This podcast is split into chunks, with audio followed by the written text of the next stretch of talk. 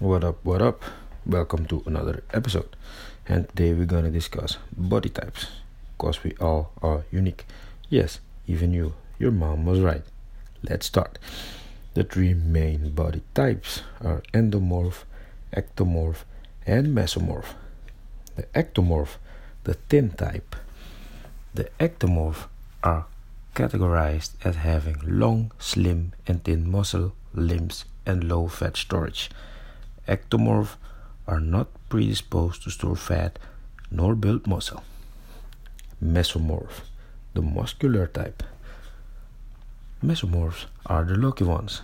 They have medium bones, solid torso, low fat level, wide shoulders with narrow waist.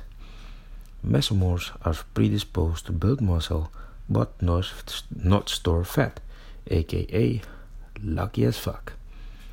And the endomorph, the curvy types.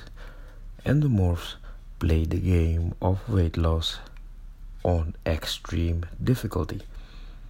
These are people with wide waist, large bone structure, and are predisposed to storing fat instead of building muscle.